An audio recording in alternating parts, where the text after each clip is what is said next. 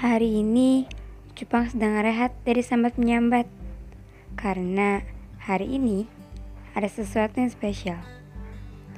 Selamat ulang tahun, kamu. Hmm.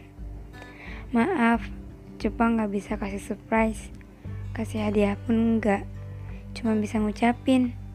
Sekali lagi, selamat ulang tahun. Semoga tahun ini bisa jadi lebih baik ya. Berharap semua kesedihan dan rasa kecewa jauh dari dirimu. Kamu yang sangat berharga, tolong jangan pernah merasa terdinginkan. Dunia membutuhkan orang sepertimu. Begitupun aku. Seterusnya, semoga saja kau tetap dengan senyum manis itu. Tak ada air mata yang membasahi. Dan semua mimpi-mimpi yang kau kejar segera tergapai. Kamu yang kuat, kamu yang tangguh, kamu yang aku jadikan sebagai tujuan hidupku, tolong jangan ke mana-mana. Jika kau tak ada, lantas tujuanku apa?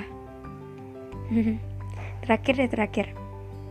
Selamat ulang tahun, kamu tujuan hidupku. Makasih udah ada. Makasih buat semuanya. Maaf kalau aku sering bikin kecewa. Maaf kalau aku nyebelin. Maaf kalau aku suka susah diatur. Maaf buat semuanya.